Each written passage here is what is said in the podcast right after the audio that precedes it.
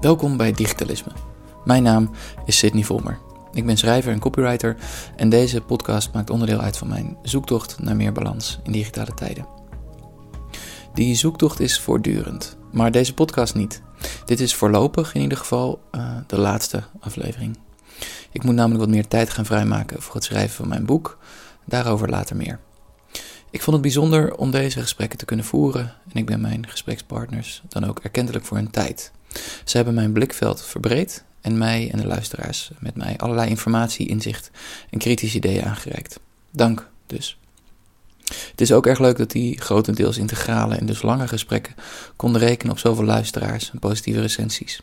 Daarom wilde ik als bedankje in deze laatste aflevering een aantal lees- en luistertips meegeven aan mijn luisteraars. Voor het onderzoek van mijn boek heb ik flink wat gelezen en ik ben ervan overtuigd dat iemand die deze podcast uh, graag luisterde en waardeert, uh, ook zal genieten van dat wat ik nu ga delen. Links uh, voor wat ik beschrijf kunt je vinden op digitalisme.nl. Ten eerste een stuk dat Andrew Sullivan enkele weken geleden schreef voor New York Magazine, getiteld I Used to Be a Human Being. Als je nou echt niet kunt wachten op dat boek van mij, of er tegenop ziet straks een slordige 20 euro te moeten betalen, of mijn betoog beknopter dan in een slordige 90.000 woorden wil lezen, lees dan vooral zijn stuk. Het is ook nog eens minstens zo goed geschreven en hij haalt veel bronnen aan die ik ook in mijn boek uh, opneem over telefoonverslavingen, digitaal detoxen, over het nut van meditatie en over het hamsterwiel waar we met z'n allen in zijn geklommen. Echt, lees die man. Via Andrew Sullivan kom ik op een podcast waar ik zijn naam voor het eerst leerde kennen. Die podcast heet de 92Y Talks podcast. Het is 92 Griekse I Talks, 92Y, als in 92Y Street in New York. Ook daar is uh, Andrew Sullivan eens te gast geweest, aflevering 35 om precies te zijn.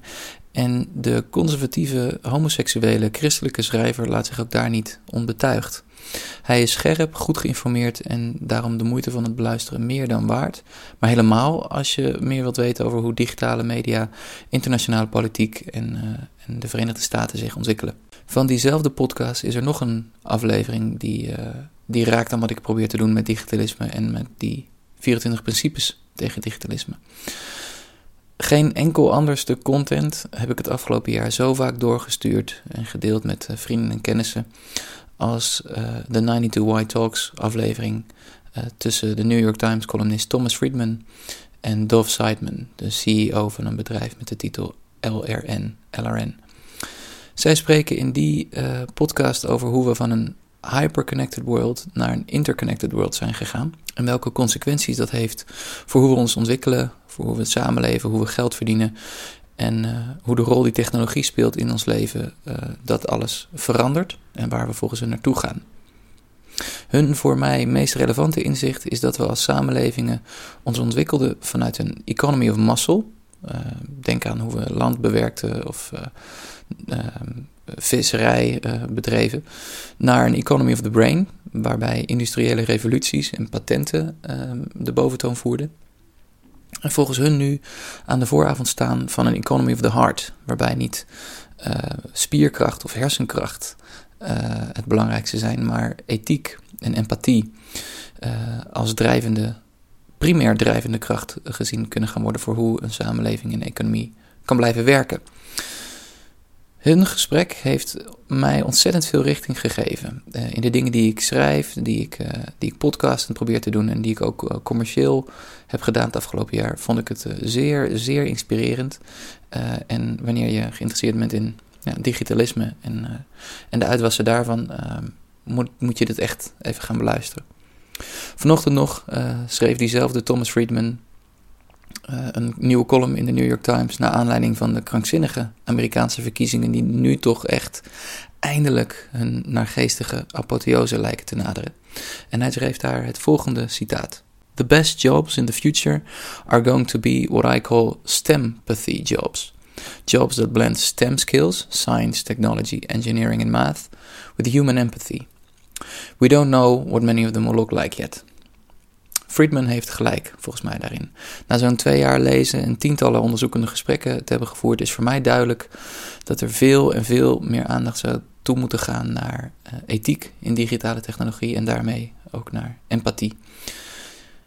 Ik voorspel dat de bedrijven die die Economy of the Heart gedachte aanhangen, in deze steeds ingewikkelder tijden op de goede weg terechtkomen.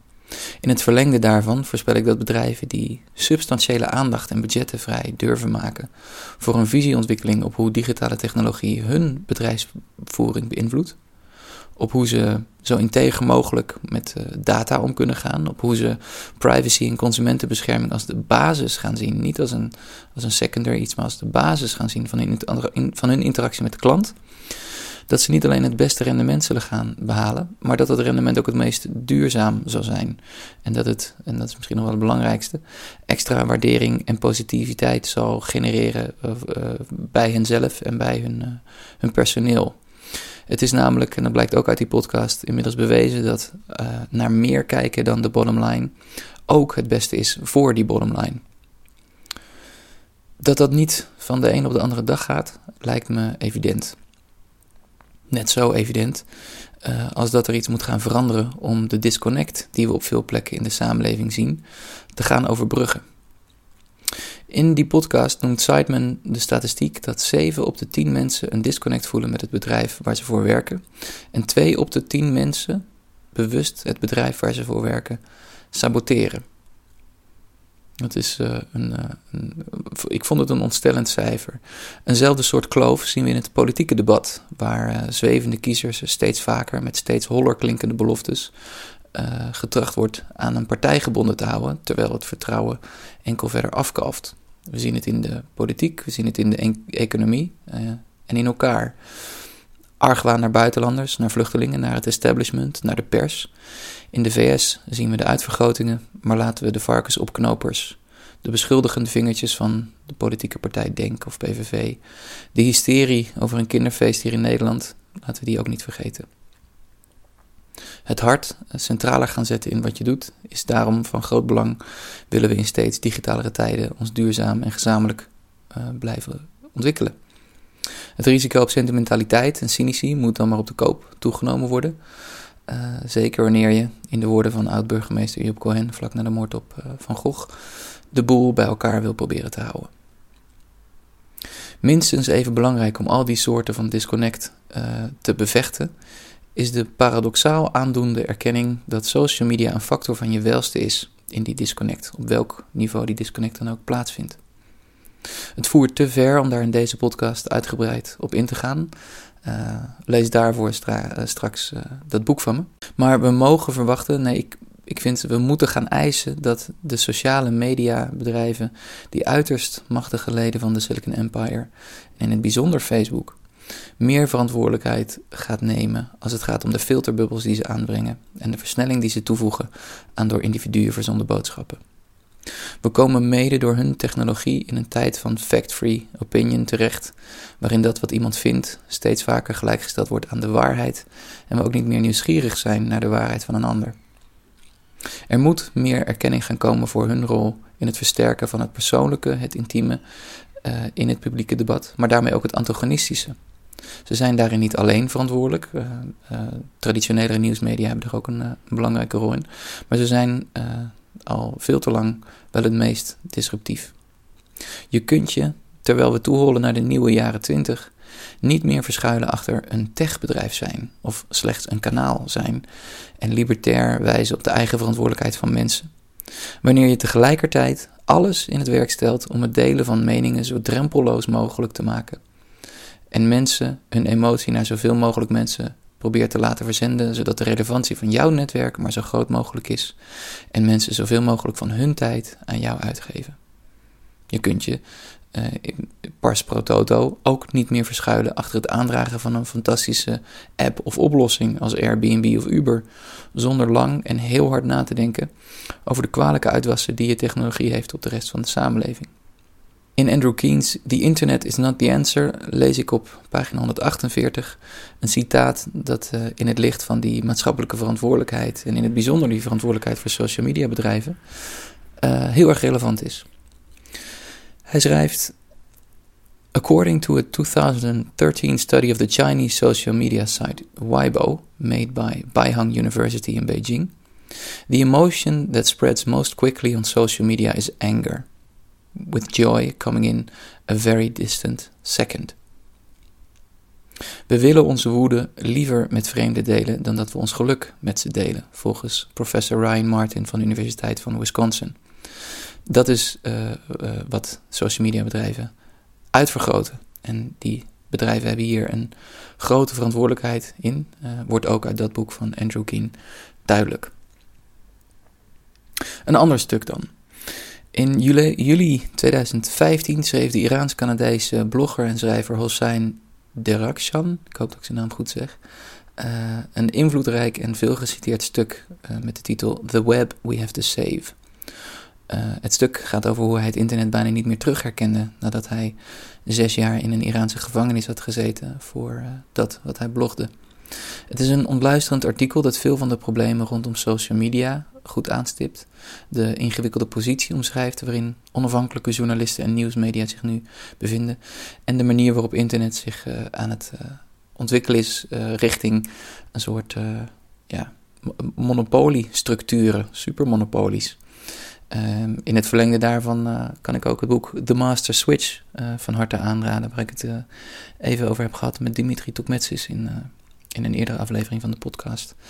Hossein schreef uh, recenter uh, een ander uh, waardevol stuk over de noodzaak voor algoritmes die ons verrassen. Ook daarover heb ik een link op digitalisme.nl gezet en is de moeite van je leestijd meer dan waard.